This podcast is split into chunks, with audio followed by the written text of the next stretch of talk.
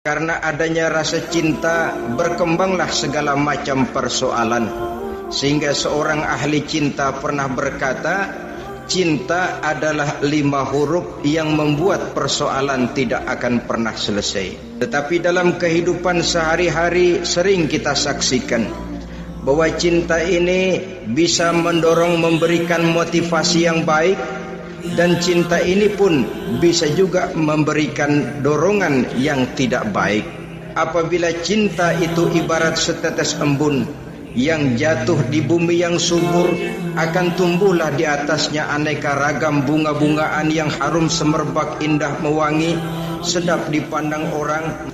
Tapi jika cinta itu jatuh di hati ger yang gersang dan tandus tidak ada yang akan dapat tumbuh di sana selain sirih memanjat batu kuning daunnya lemah gagangnya.